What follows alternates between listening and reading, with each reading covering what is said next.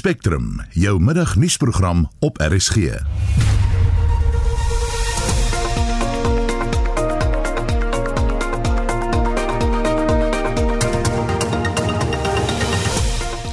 In die programprosedures is nie gevolg in van die onderhoude vir die hoofregterspos nie. Ons vind uit hoe dit bestuur word.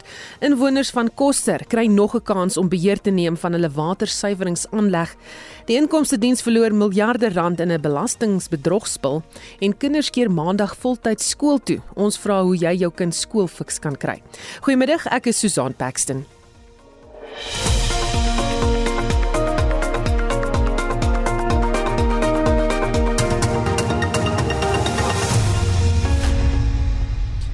Welkom by Spectrum vanmiddag en is so bykans 5 minute oor 12 en volgens die nuwe vlak 1 regulasie sal kinders van maandag af weer voltyds terugkeer skool toe.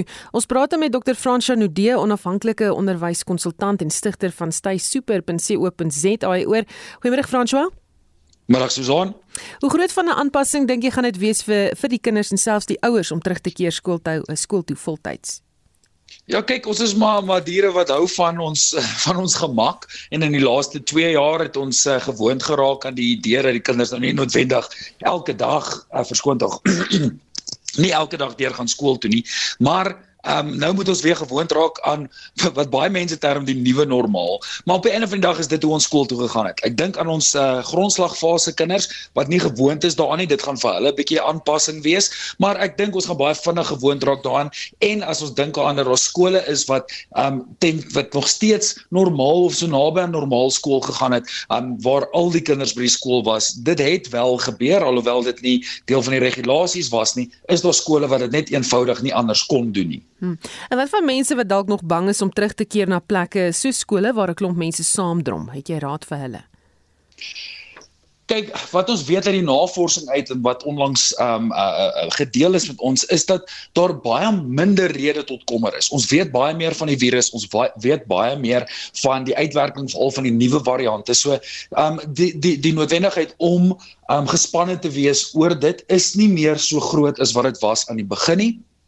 Maar um, vir hierdie mense is nog steeds die opsie om met die skool te gesels um, en dan so 'n plan te probeer beraam, maar dit is glad nie meer nodig dat uh, ons so hoef te vrees of angstig te wees vir die virus nie. Enige wenke hoe om die kinders weer skoolfiks te kry?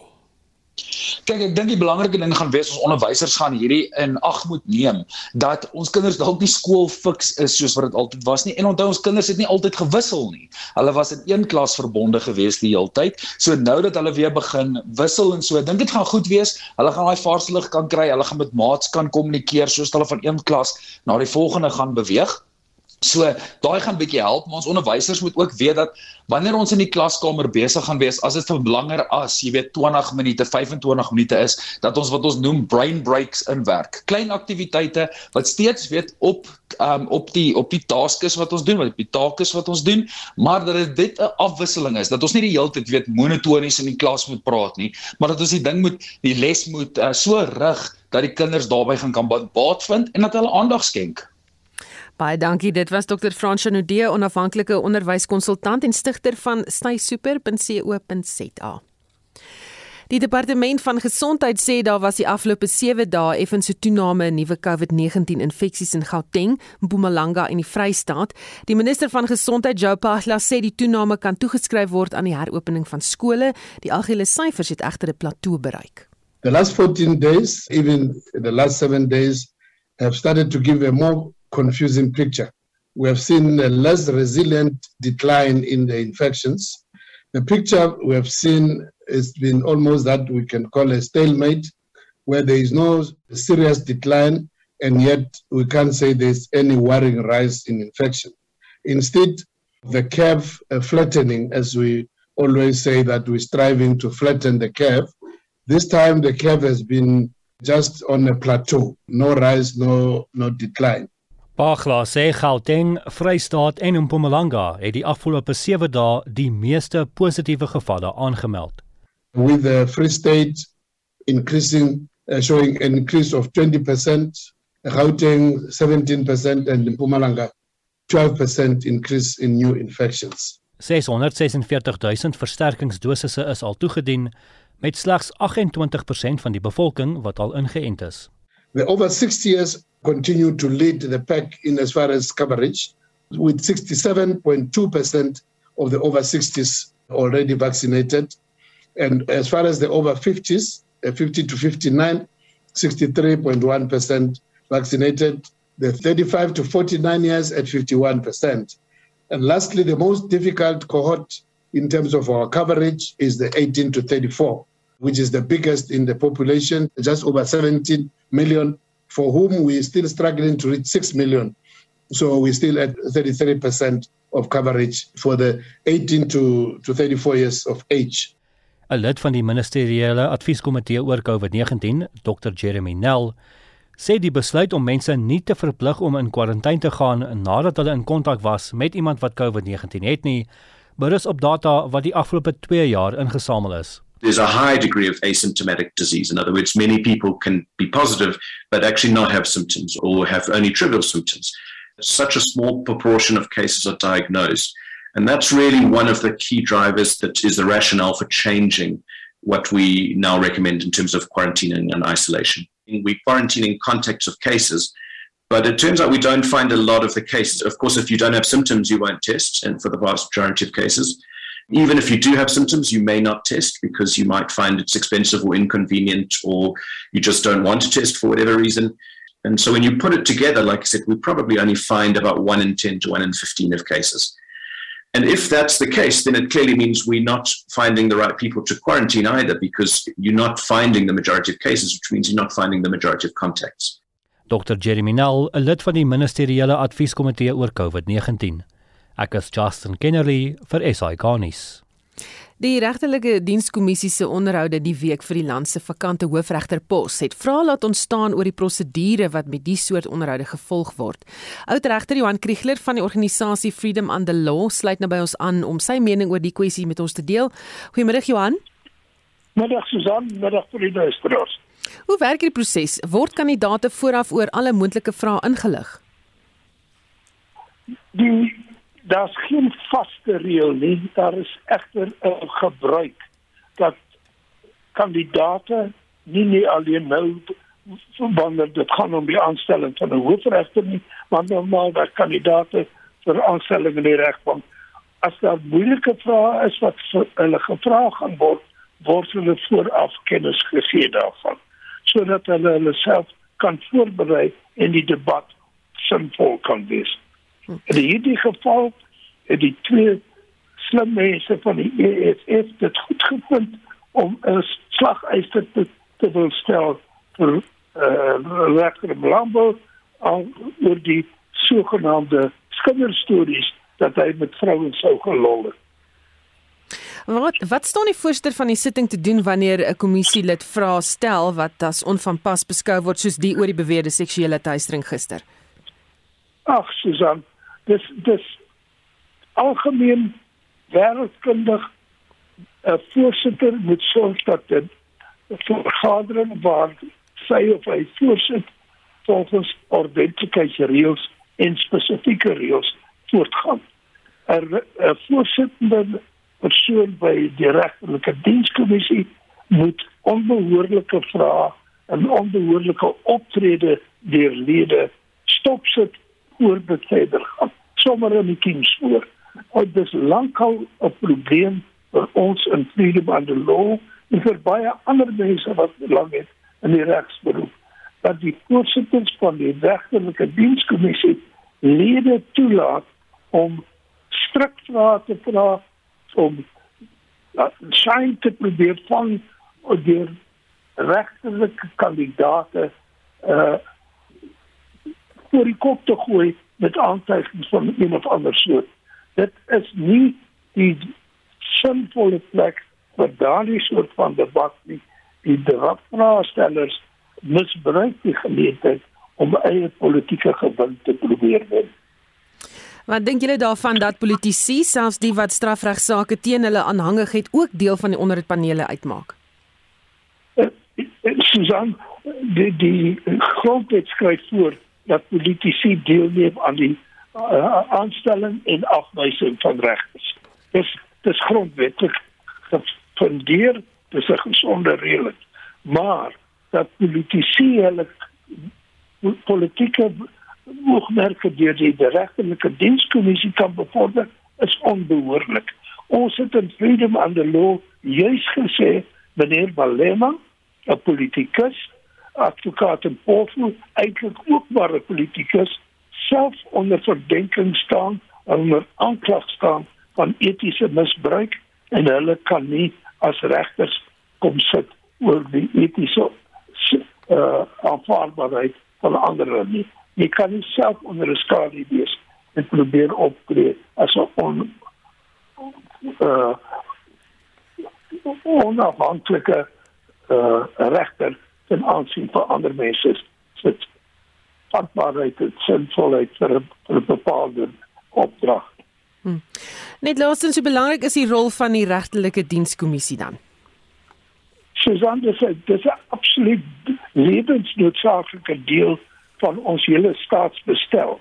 Die die regbank is per slot van sake die eindbeskermer van jou en my persoonlike regte en vryhede in 'n demokrasie. Die aanstelling van regters, die afstelling van regters word dus so te geskied dat die regbank se onafhanklikheid behou bly. Die regterlike dienskommissie vervul daardie rol teoreties en behoort te kan doen met iedere lid haar op hom gedra soos die grondwet van hulle verlang. Baie dankie. Dit was die afgetrede regter Johan Kriegler van die organisasie Freedom on the Law. Later in die program vertel Heinrich Weingart ons meer oor die waarnemende hoofregter Raymond Zondo se onderhoud vir die pos van hoofregter. 'n Belastingbedrogspel wat te maak het met die uitvoer van onwettige goud kos die Suid-Afrikaanse Inkomste Diens miljarde rand. Die Inkomste Diens se ondersoek na die tweedehandse goudmark het bevind dat belastingkortings van 24,4 miljard rand aan twee maatskappye uitbetaal is. Vir perspektief praat ons nou met 'n joernalis van die Amambungani Sentrum vir Ondersoekende Journalistiek, Dewald van Rensburg. Goeiemôre Dewald. Ag, goeiemôre so. Hierdie is 'n baie interessante storie. Skets vir ons wat hier gebeur het. Okay, so die skema is is 'n redelike eenvoudige bedrogspel.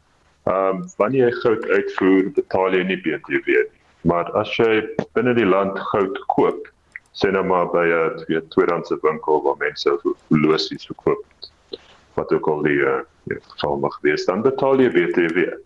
So as jy nou kan uh, SARS oortuig dat jy 'n klomp losies gekoop het en jy het dit gesmelt en jy gaan nou uitvoer dan sê jy, "Wow, kyk, ek het BTW betaal en ek eis dit nou terug want weet die uitvoerder staan nie BTW." En dis wat gedoen is op 'n enorme skaal. Nou dit werk net as jy goud koop wat jy actually jy betaal niks BTW. Jy maak dit as jy het. En die manier waarop dit gedoen is, is dat mense 'n enorme hoeveelheid uh, kreande gekoop het. En dis onwettig om dit goed te smelt. Uh, en jy betaal die belasting nog neem en dit is juist wat jy doen. Jy koop 'n paar ton kleurande, jy smal hulle en jy kry iemand om vir jou 'n weet valse bewys te gee dat jy BTW betaal het. En daar gaan jy, jy voer dit uit. Hy is die BTW terug en as jy dit op groot genoeg maat doen, kan jy miljarde rand so maak. Sjoe. Wie wil wat beteken hierdie dan nou vir die belastingbetaler? Wat beteken baie baie geld is 'n uh, is weg. Ek dink op 1 jaar was dit amper 'n halwe persent van SARS se totale ehm um, belastinginsameling. So dis dis regtig 'n menswaardige hoeveelheid geld. En dis dis on ek, ek twyfel of jy al die geld ooit gaan terugkry. Hoeveel skuld dra die inkomste diens aan hierdie saak? Wel, kyk jy moet jouself afvra hoekom dit nie vroeër gevang is nie. Want SARS het ehm um, met die tydelike hulle het met so tyd weet wys geword en hulle ondersoek het gehad. En daai ondersoek was uh, reeds 2019 aan die gang en hulle het in 2020 begin uh, hierdie uh, BTW terugbetalings weerhou vir groot rolspelers. Wat hulle sê nee kyk ons gaan nie uitbetaal nie ons snif in die neus. So ons gaan eers 'n audit doen en kyk wat hier aangaan. En dis dis tans aan die gang steeds aan die gang Baie dankie. Dit was Dewald van Rensburg, 'n joernalis by die Amambungani Sentrum vir Ondersoekende Journalistiek. Die stryd oor dienslewering tussen die Getlengrivier plaaslike munisipaliteit en besorgde inwoners draai weer in die hof. Die groep Koster besorgde inwoners is appel eh, tot verlof toegestaan in hulle saak om weer beheer van die water en rioolwerke in Koster en Swartruggens oor te neem. Ons praat met die KBU voorsitter Karel van Heerden. Goeiemôre Karel. Goeiemôre. Welkom op die Jy moet dalk net vir ons 'n bietjie rond beweeg voel vir my daardie ehm um, lyn is bietjie swak, kan nie lekker hoor nie. Ons hoor gaan nou, waar's jy? Is jy daar, Karel? Ja, nee, hy's bietjie swak. Ons gaan vir jou terugskakel en gaan ons weer gesels uh daaroor net hierna. 20 minute oor 12. Die Outomobielassosiasie sê hy hoop die agterstand in die druk van bestuurderslisensies sal, soos wat die departement beloof teen April, um, uitgeklaar wees. Die minister van vervoer het aangekondig dat die masjien wat die kaarte druk sedert 20 Januarie weer werk. Die woordvoerder van die AA, Luitenbeerd, sê hulle is agter teleurgesteld oor die minister niks gesê het oor die gesukkel om afsprake te kan maak om bestuurderslisensies te hernie nie. Kyk, die ding is daar is 'n oorweldigende agterstand. Ons praat hier van tussen 2 en 2.2 miljoen mense wat hulle bestuurlisensies moet hernie. Ten opsigte van die masjien wat stikkend was uh, en wat in November verlede jaar gebreek het, daai masjien is weer in werking. Hy was alreeds uh, in die middel van Januarie weer terug in werking en volgens die departement druk hy so wat 100 000 kaarte 'n week, so wat 100 400 000 'n maand. So hulle is oortuig dat daai agterstand van wat daai probleem probleem geskep het wel in die volgende paar maande uitgewis gaan word. En ek dink ons moet hulle die benefit of the doubt gee ten opsigte van of dit gaan gebeur of nie. Ek dink nie daar is enigsins 'n indikasie dat dit nie kan gebeur nie. Ons groter probleem natuurlik is die groot agterstand van mense wat sukkel nog steeds om afsprake te kry en wat sukkel by die sentrums om hulle kaarte te hernie. Ons sou verwag het dat daar 'n uh, hersiening van die grasie tydperk was en dat mense meer tyd gegee geword het om hierdie kaarte te hernie hernie, maar die minister het volstaan en gesê die kaarte wat wel nou verval het, moet in die tydperk uh, hernie word. So dit is 'n kwessie van kom ons kyk hoe speel hierdie ding in die volgende paar weke en maande uit. Ons enigste raad aan mense op hierdie stadium is hou aan probeer so so jy weet geen twyfel daar is probleme nie, maar hou aan probeer om hierdie kaarte te hernie. Jy moet daai verantwoordelikheid op jou neem ongelukkig en jy moet net seker maak jy kry hierdie dokumente wat jy so broodnodig nodig het. Dan het hulle ook gesê hulle gaan kyk na die tydperk waarvoor jou lisensie geldig is, uh, dat dit van 5 jaar na 10 jaar toe verskuif word. Iets wat julle lankal al vra. Ja, en ek dink dit is natuurlik 'n baie positiewe wending en ek dink ons moet die departement krediet gee vir uh, die manier waarop hulle dit benader. Die AA is van die organisasies wat gevra het vir die verlenging van die van die tydperk van 5 tot 10 jaar. Ons dink dit is 'n goeie idee. Ek dink die aanval van die departement is kom ons doen 'n bietjie navorsing daaroor, kom ons kyk of dit wel 'n oplossing gaan wees. Ons dink hulle bevindinge gaan wees dat dit 'n oplossing is en so dit is 'n goeie ding. Maar as hulle dit wil passeer op navorsing wat hulle gedoen het, ja, ja, dit is goed so en ek dink dit is 'n goeie manier om om hierdie probleem op te los. Ja, ons is natuurlik baie positief oor hierdie wending en ek dink hulle sal vind dat dit te verleng na 10 jaar wel 'n goeie oplossing is en dit gaan dalk baie probleme ook oplos. So ons is natuurlik baie ten gunste daarvoor en ons hoop uitsluitsel te kry oor hierdie spesifieke punt in die volgende paar maande. En dit was die woordvoerder van die AA, Luitenbeerd. Vandag is Wêreldkankerdag. Een van die kwessies wat min bespreek word is hoe jy jou inkomste kan verseker sou jy met kanker gediagnoseer word. Vir meer hieroor praat ons nou met 'n senior tegniese spesialis by die lewensversekeraar FMI, Almarie Samuel. Goeiemôre Almarie. Dag. Almarie, uh, sê vir my, moet jy jou inkomste bronne verseker sodra jy met kanker gediagnoseer word? Nee, so inkomstebeskattings is 'n voordeel wat jy uitneem. Ag op enige stadium jy kan dit eintlik uitneem van dit 'n student is. Uh maar dit is meestal as jy eers werk dat mense hulle inkomste verseker en dan wanneer jy gediagnoseer word met ag enige iets soos COVID of ehm um, kom 'n griep of wat ook al die geval is en jy nie kan werk nie, dan betaal jy jou inkomstebeskermer jou maandelikse inkomste vir jou uit. Hmm. En as jy 'n lewensversekeraar dan nou nader of so, wat is die belangrikste vraag om te vra? So ek dink een van die belangrikste as dit kom by inkomstebeskerming is wat reg gaan wees vir jou as 'n individu. As ons kyk na inkomstebeskerming, is daar verskillende opsies. Jy kan byvoorbeeld 'n 7, 14 of 'n 30 dag wagperiode kies. En nie baie mense weet wat dit beteken nie. Dis eintlik periode wat verstrek wie voordat jy jou eis kan indien en dan jou inkomstebetaling kry. So langer dit is, ehm um, weet vir die voordeel gaan wees. Die probleem is dan ook dat jou voordeel die negatief is dit 'n korttermyn stikte is nie. Uh, as ons kyk aan um, is dit byvoorbeeld. Nee, dit lyk vir my uh, daardie lyn gaan ons in die steek laat en dit lyk my al die beerdkrag wat ons so het wat oral nou inskop op plekke en dan uh, verloor ons nou die telefoonlyne en selfs die ander internetlyne om mee te gesels, maar dit was Elmarie Samuel, 'n senior tegniese spesialis by die lewensversekeraar FMI. Nou ons het 'n bietjie vroeër gesels met Karel van Heerden, hy is die KBE voorsitter en ons praat oor die stryd oor dienslewering tussen die Getlengrivier plaaslike munisipaliteit en die besorgde inwoners wat weer in die hof draai. Ons kyk of ons nou in hom in die hande kry. Karel, is jy daar? O, oh, hy is steeds baie swak. Ons gaan maar probeer, maar jy is op pad na 'n volbank regters in Batu. Hoe het dit uh, toe gebeur?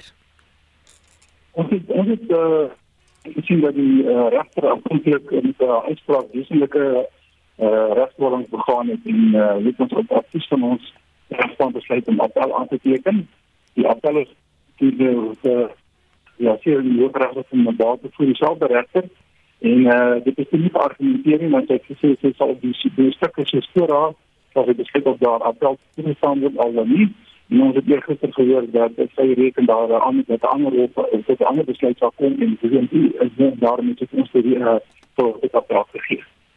So wat eis julle dan nou presies? Al ons uit die die aanvanklike opstel wat sê dat ons van die waterwerk oor die individuele werk en baie die dorpsbewoner en so aan terug.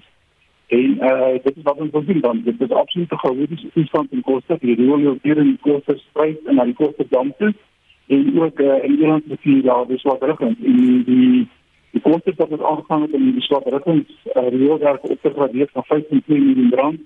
En ons het oor ander dit uh, so 5 maande terug aan die munisipaliteit het dit gewerk en daar's nou niemand wat die reëlwerk nie en die die reëlwerk uh, oor die plan in in Ierland se vier en so ons het terug ons in Tonga was.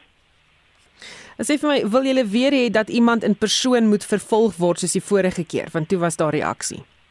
Ja, dit was dit was dit die deel van ons appel uh, advokaat Gerinal van Appelforum dat hulle toegeslaag om hier nogal die munisipale bestuur te laat toesluit as gevolg van die feit dat hy nog steeds toelaat dat riool in die water ag in die stryd in die Nederlandse in die Koster dam. So daardie appel het toegeslaag, so dit gaan geargumenteer word vir 'n volbandregters. Baie dankie, dit was Karel van Heerden, voorsteur van die groep Koster besorgde inwoners.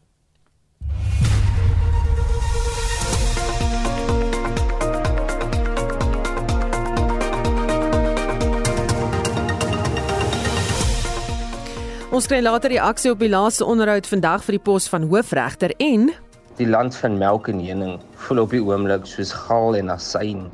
Brittanje se stygende energiepryse is 'n bitterpil vir die publiek om te sluk. Bly ingeskakel.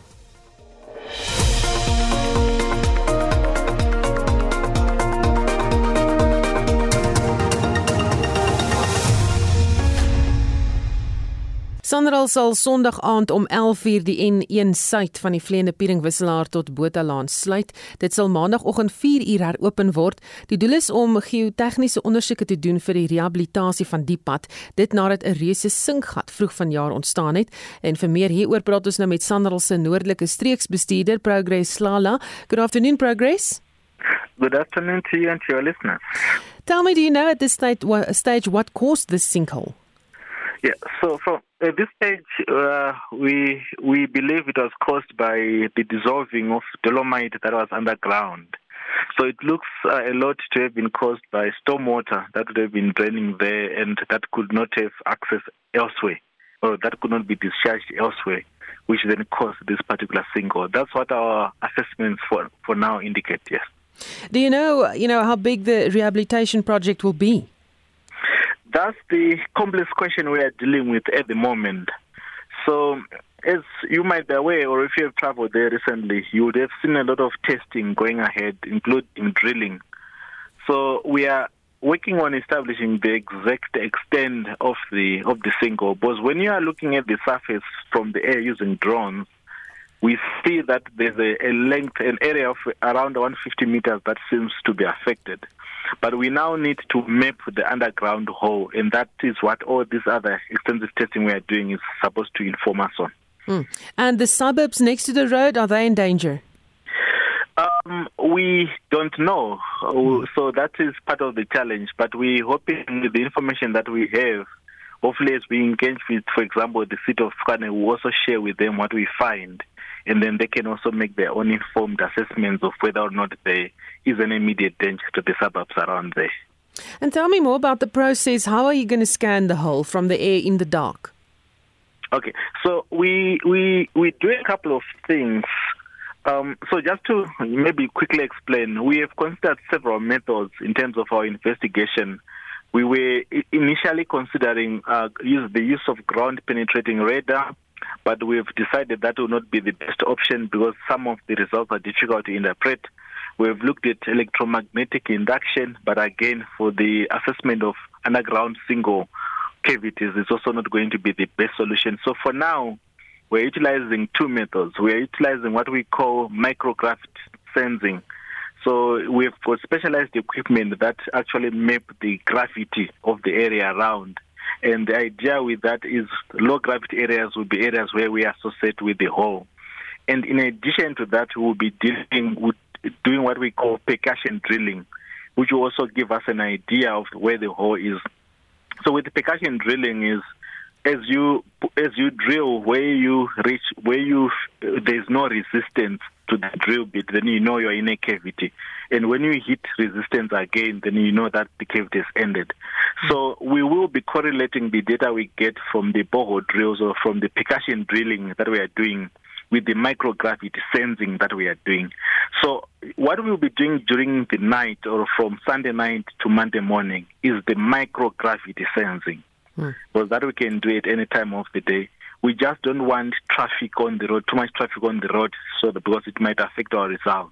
Yeah. That's why the road has to be closed. Baie dankie. Dit was Sanral se noordelike streeksbestuurder Progress Hlala. Voornemende hoofregter Raymond Zondo is die laaste kandidaat wat tans in Sandton vir die regtelike dienskommissie verskyn om hulle te oorreed dat hy 'n goeie hoofregter sal maak. Heinrich Weingart is hier uh, om ons op hoogte te bring van hoe die onderhoud tot nou toe verloop het. Heinrich? Susan se regter Zondo het dit uit die stand voor duidelik gemaak dat hy nie dink hy verdien om aangestel te word gewoon omdat hy op die oomblik as hoofregter waarneem of vanweë sy rol as adjunk hoofregter nie. I am not entitled to any position.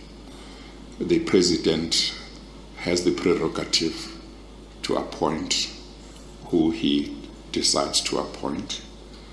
It is not my attitude that because I'm Deputy Chief Justice, I'm Acting Chief Justice, I'm automatically entitled to be appointed as Chief Justice.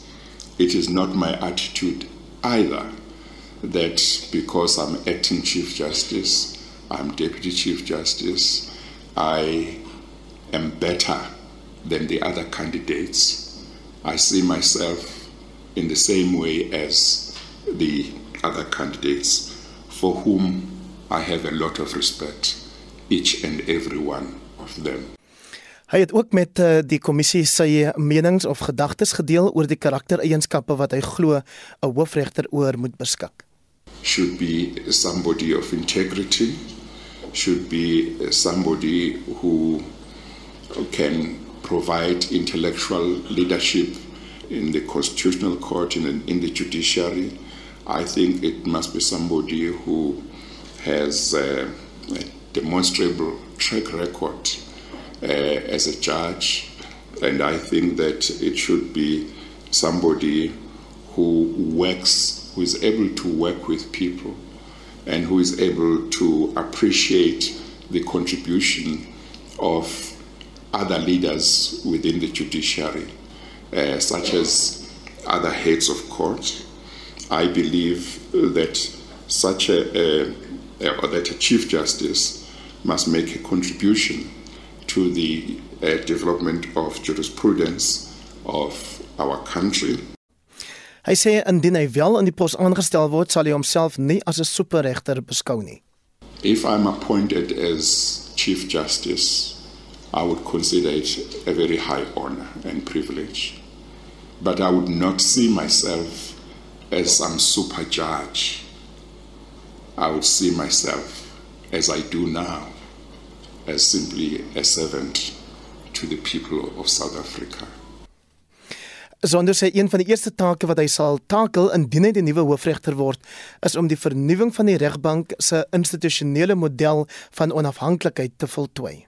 Many years ago, the question arose what kind of model of institutional independence do we want as the judiciary of South Africa?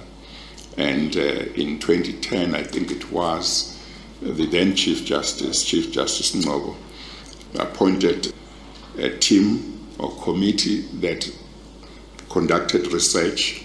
In that research, the proposal that was made was that uh, there would be three phases. Uh, phase one was to appoint or establish the office of the Chief Justice as a national department.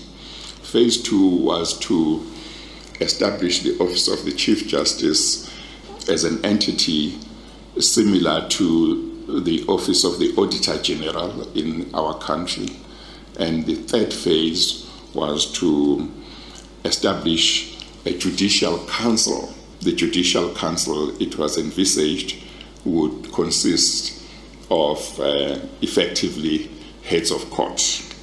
And in this regard, I think President Zuma needs to be applauded because he was the one who gave the judiciary uh, in this country that phase 1. Geslagsgelykheid bly 'n belangrike uitdaging sê regter Zondo, hoewel dit voorkom dit is 'n ander kwessie waaroor ook heelwat gepraat is die afgelope week asof wit manlike regters 'n bedreigde spesies is glo hy nie dat die spesies soos daar gesuggereer is reeds uitgesterf het nie. Transformasie moet egter verder gaan deurdat jonger swart regters alself moet ingrawe in vertakkings van die reg wat tot nou die domein van wit manlike regters was. As you will you you may have seen chairperson and members of the commission One of my master's degrees is in patent law, and uh, part of the reason why I did it was uh, that I hoped to inspire younger lawyers to to study those branches of law that uh, have seemed to be the reserve of only certain races, because patent law is one of those branches of law that is dominated by white males. Uh, I didn't get a chance to practice patent law, but I did get do a master's degree in it, and I hope that uh, that would inspire the younger lawyers to consider those branches of, of law.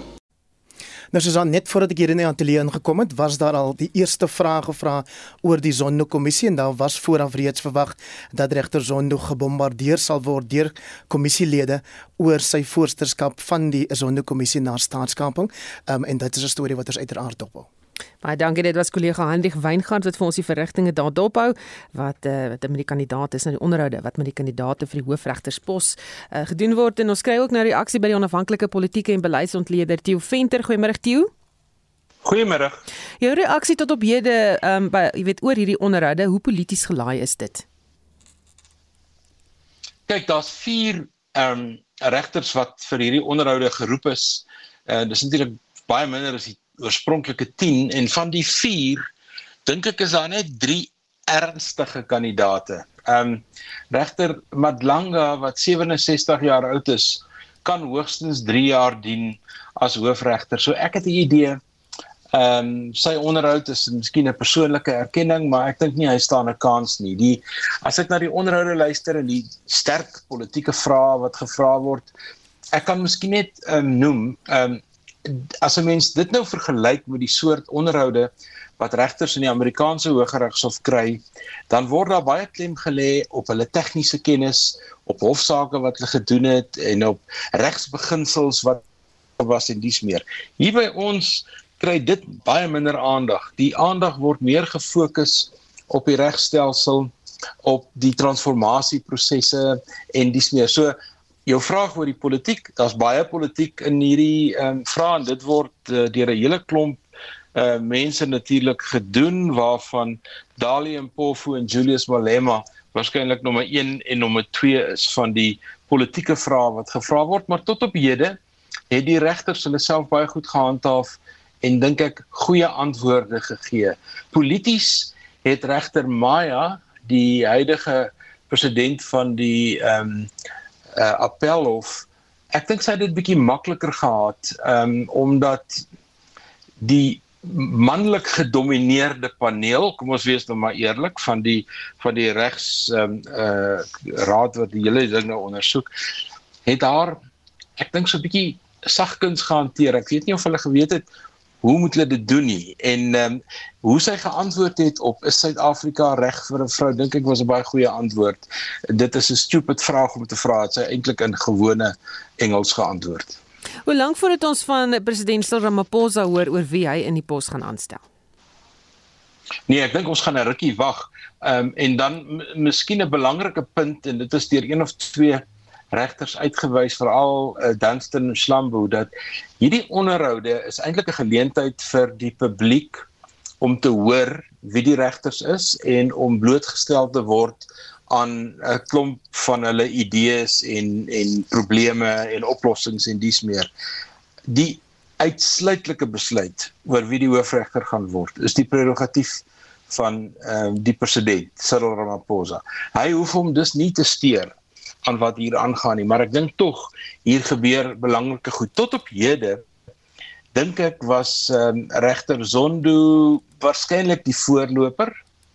Ehm um, maar ek dink regter Maya is 'n baie baie baie sterk kandidaat synde waarskynlik die eerste swart vrou met 'n uitstekende rekord wat sy opgebou het by die Appelhof en dan gister het Dunstan Slambo my beïndruk vir twee of drie redes. Die eerste ene is dat hy onder almal waarskynlik die mees strategiese denker was, dat hy sy visie gaan ontleed het in bestaande onderdele. Dat hy 'n duidelike plan het. Dat hy digitaal goed aangeskakel is.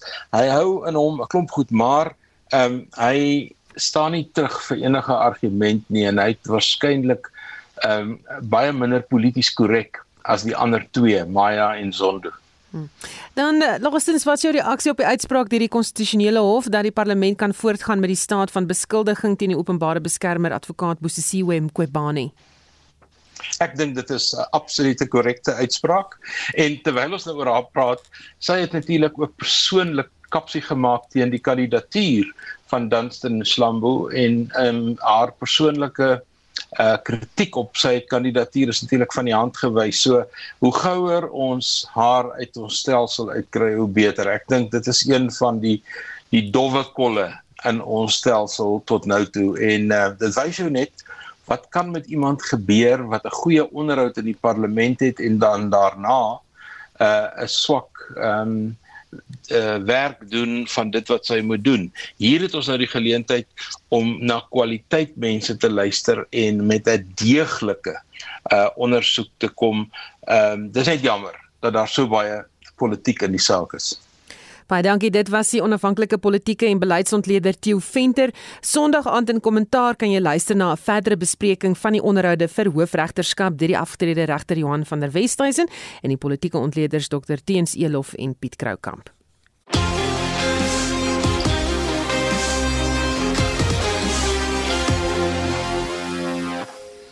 Die rugby seisoen is in volle gang met die Karibeker wedstryde wat in eh, die week plaasgevind het. Kragmetings die naweek in die Verenigde Rugby Kampioenskap en die Blitsbokke wat die wêreld aan die brand speel. Die sportwetenskaplike professor Wilber Kraak is ook 'n afrigter wat sake dophou. Goeiemôre Wilber. Goeiemôre. Goeiemôre. Dankie vir die geleentheid weer. He. Wat is jou indrukke oor die Karibeker aksie wat ons die week gesien het? Dit is my ek ek is um, ek is 'n voorstander van hardloopbrakkie dus so, dis my goed om te sien dat daar baie drie gedruk word maar dit is wel 'n groot bekommernis hoe die drie afgestaan word uit 'n uit 'n verdedigingsoog van ek dink die, die span het nog nie lekker die balans tussen aanval en verdediging gekry nie maar vir my dis klomp jong manne, so dit is goed dat daar drie gedruk word. Ek ek dink nie daar was geen enige verrassings die die week nie. Ehm um, ek dink die uitslae kon mens vooraf ehm um, voorspel het. So maar ek dink dit is goed vir rugby dat ons 'n bietjie hardloop prakties sien en drie druk, maar ek dink daar's tog dat die verdedigende afloopers met met daai balans begin vind en spanne moet begin kyk kom so baie drie gelek word. Dan môre sien ons die Durbanite en Kaapenaars weer kragte meet, maar hierdie keer in 'n Verenigde Rugby Kampioenskap toernooi. Jou verwagtinge? Ek ek dink ehm um, verlede week sou 'n goeie motivering vir vir die Stormers gewees het. As en die week voor dit teen die Bulle. So ek dink die die Stormers gaan gaan beslis met baie motivering in die naweek in in die wedstryd in. Ek is nie seker of of hulle dit kan opvolg nie van om 3 weke um, in 3 weke in 'n ry so met daai intensiteit te kan verdedig en speel. Ek ek dink gaan 'n bietjie moeilik wees. Ek sal dit persoonlik ek as 'n Stormer ondersteuner sal ek die naweek vir die Sharks kyk. Ek dink net hulle bietjie meer ervaring. Ek dink die WP se se pak is bietjie jonk. Um, hulle het ervare twee manne in die voorrye, maar die res van die manne is baie jonk en dan dan is nou Dion Fourie, so ek dink die die pak as uh, die pakke te mekaar met die Sharks beslis 'n voordeel. En ek dink agter met Warwick geland wat terugkeer, dit bring 'n ander dinamika. Ek sou net dalk gesien het met met dalk Damian Willems en Warwick geland um, op op die veld um, om beide te begin. Ek dink dit sal die die sommerse aanvallende um, voordeel gegee het, maar ja, kom ons kyk wat gebeur in die laaste 30 minute as as as um, Damian op die veld kom. En dan net wat dink jy het aanleiding gegee tot die Blitsbokke se huidige oorheersing in die sewes wêreldreeks? Ek dink vir my die Blitsbokke, ek dink dis dis dis trots om 'n Blitsbok ondersteuner te wees. Ons neem afneem ons het voor die finaal 2 of in die finaal ervare met Justin geduld verloor, dan het jy vir Branko de Pre wat nie gespeel het nie en dan het jy Dewald iemand wat nie gespeel het nie. So dit was ek dink dit sê ook iets van die kultuur wat in die span geskep word en ek en ek dink Neil Paul het goed gedoen om met 'n jong span om om die toernooi te wen en ek dink hulle hulle is beslis die die die ehm um, al die voorkeurspan vir in Singapore in April. Maar met om terug te kom na dit om met so 'n jong span te gaan kompeteer en dit week na week te doen sê baie spreek boekdele van die span se kultuur hoe hulle sê hulle daar's baie klaarheid oor hoe hulle wil speel en dan elk hulle die manne val net binne in die spanne met struktuur so dit dit dis vir my baie program um, goeie program wat in geval staan staan bestuur met met Rente Duisel. Laastens jou mening oor Nick Berry wat skerp onderskoot gekom het in die omstrede Rassie Erasmus video wat as 'n 2021 se skeieregter van die jaar aangewys is. Ag dis dis 'n moeilike een. Ek ek dink baie baie Suid-Afrikaners kan voel ons is, is ingedoen, maar ek dink ook nie ons moet moet kyk net na na sy vertoning in isolasie in die Britse leeu toer nie. Ek persoonlik het nie vir Berry Berry gevolg die al verlede jaar nie. Ek ons, kyk na die insident waar die Rassie video uitgekom het wat ek nog steeds van mening is ehm um, die die video die proses wat gevolg is wat nie reg nie op Nick Berry kan ek nie kommentaar lewer maar ek dink dit sal 'n paar Suid-Afrikaners vandag baie warm in die kraag maak met agneem dat hy wat in die eerste toets met die Britse lees gebeur het en wat hy gedoen het. Baie dankie dit was die rugbykenner en afrigter professor Wilber Kraak van Universiteit Stellenbosch departement sportwetenskap. Hierdie sake nuus word aan jou gebring deur Freddy Rerich van Sanlam Private Welvaart in George. Goeiemôre Freddy. Goeiemôre Susan en luisteraars. In die buiteland sien ons dat die Asiëse indekse oor die algemeen hoër is met die Hang Seng indeks in Hong Kong wat die voortou neem. Dit word veral gedryf deur finansiële aandele. Beleggers in die streek slaan min ag op die amper 4% daling gisteraand in die Nasdaq indeks waar Facebook houer maatskappy Meta Platforms na teleurstellende vierde kwartaal syfers se aandeel met 26% gedaal het.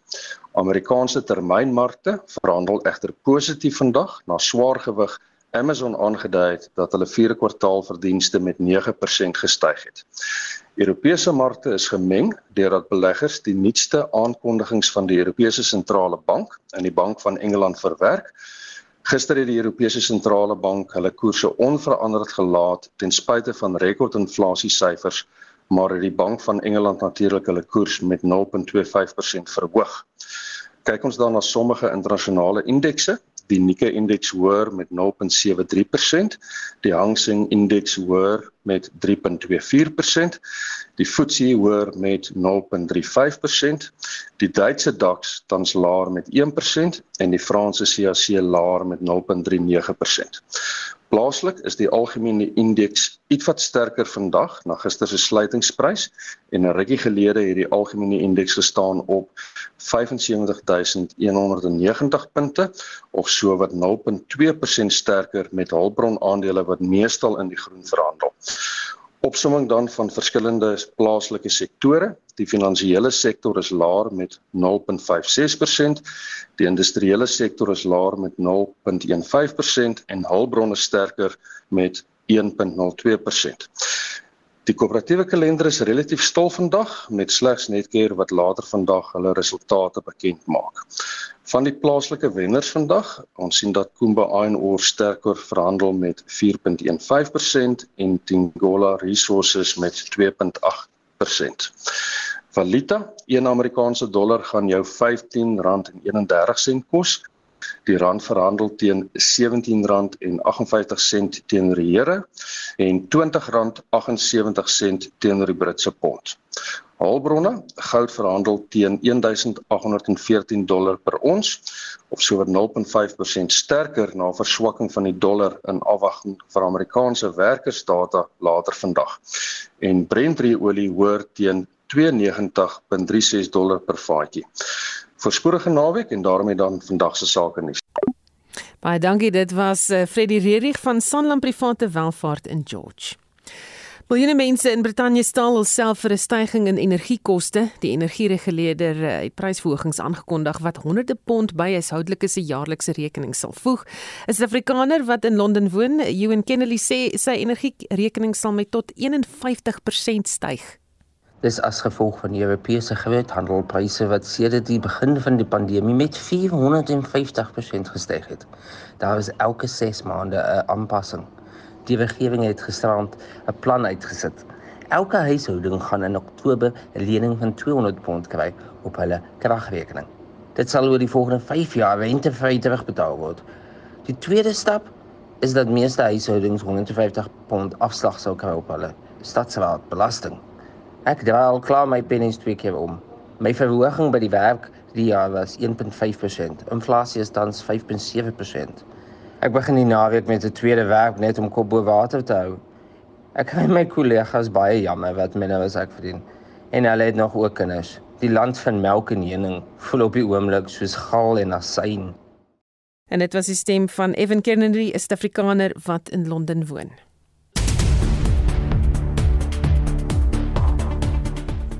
Die roterende onderrigstelsel is byna iets van die verlede en Annelien het vir ons uh, die jongste daaroor en dis natuurlik die kinders wat skool toe gaan maandag Annelien. Ja, 'n onafhanklike onderwyskonsultant, Dr. Francois Nidee, het vir ons Spectrum gesê daar is min rede om angstig te wees wat ons weet uit die navorsing uit en wat onlangs gedeel is met ons is dat daar baie minder rede tot kommer is. Ons weet baie meer van die virus, ons weet baie meer van die uitwerkings al van die nuwe variante. So die noodwendigheid om gespanne te wees oor dit is nie meer so groot as wat dit was aan die begin nie. Die onderhoud met die waarnemende hoofregter Raymond Zondo is die laaste onderhoud vir die pos van hoofregter van die konstitusionele hof. Die stof het egter nog nie gaan lê nie na gister se onderhoud met regter-president Dunstan Mlambo. Oudregter Johan Kriegler van Freedom and the Law deel sy mening. As daar moeilike vrae is wat hulle gevra gaan word, word hulle vooraf kennis gegee daarvan sodat hulle hulle self kan voorberei en die debat sinvol kan wees. Hierdie geval het die twee slim mense van die EFF dit goed gevind om 'n slagyster te, te wil stel vir regter Blambo oor die sogenaamde skinderstories dat hy met vrouens sou gelol het. Die uitsmerk Zondo is ook 'n gewilde onderwerp op Twitter. Dan het die konstitusionele hof eenparig beslis die nasionale vergadering kan voortgaan met die proses om die openbare beskermer Bosisiwe Mqobani in 'n staat van beskuldiging te plaas. Dit is wêreldkankerdag en op Twitter deel mense foto's van hulle geliefdes wat teen kanker stry en ook diegene wat die stryd verloor het. Wat wêreldnuus betref, vier senior personeellede in die beleerde eerste minister Boris Johnson se kantoor het kort na mekaar bedank. Dit sluit sy kantoorhoof, beleidshoof, die direkteur van kommunikasie en 'n senior amptenaar in. Môre skakel naweek aktueel regstreeks oor na Fritz Klaaste by die Kyalami 9 ure interkontinentale uithouwedren. Dit en nog meer op naweek aktueel tussen 12 en 1. En dit was Annelien Moses wat nuus gebeure vir ons dophou. Net so voor ons groet onthou vorige uitsendings van Spectrum is beskikbaar op Potgooi gaan net na RSG se webblad by www.rsg.co.za. Ons het namens ons uitvoerende regisseur Nicoline de Wee, die redakteur Justin Kennerly en produksieregisseur Johan Pieterse. Ek is Susan Paxton. Onthou 360 net hierna en geniet jou naweek.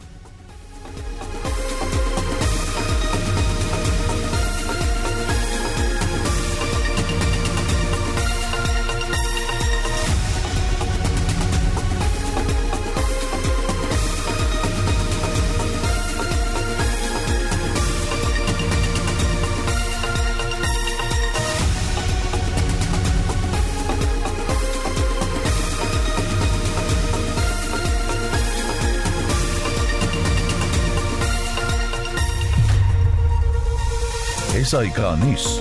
Onafhanklik, onpartydig.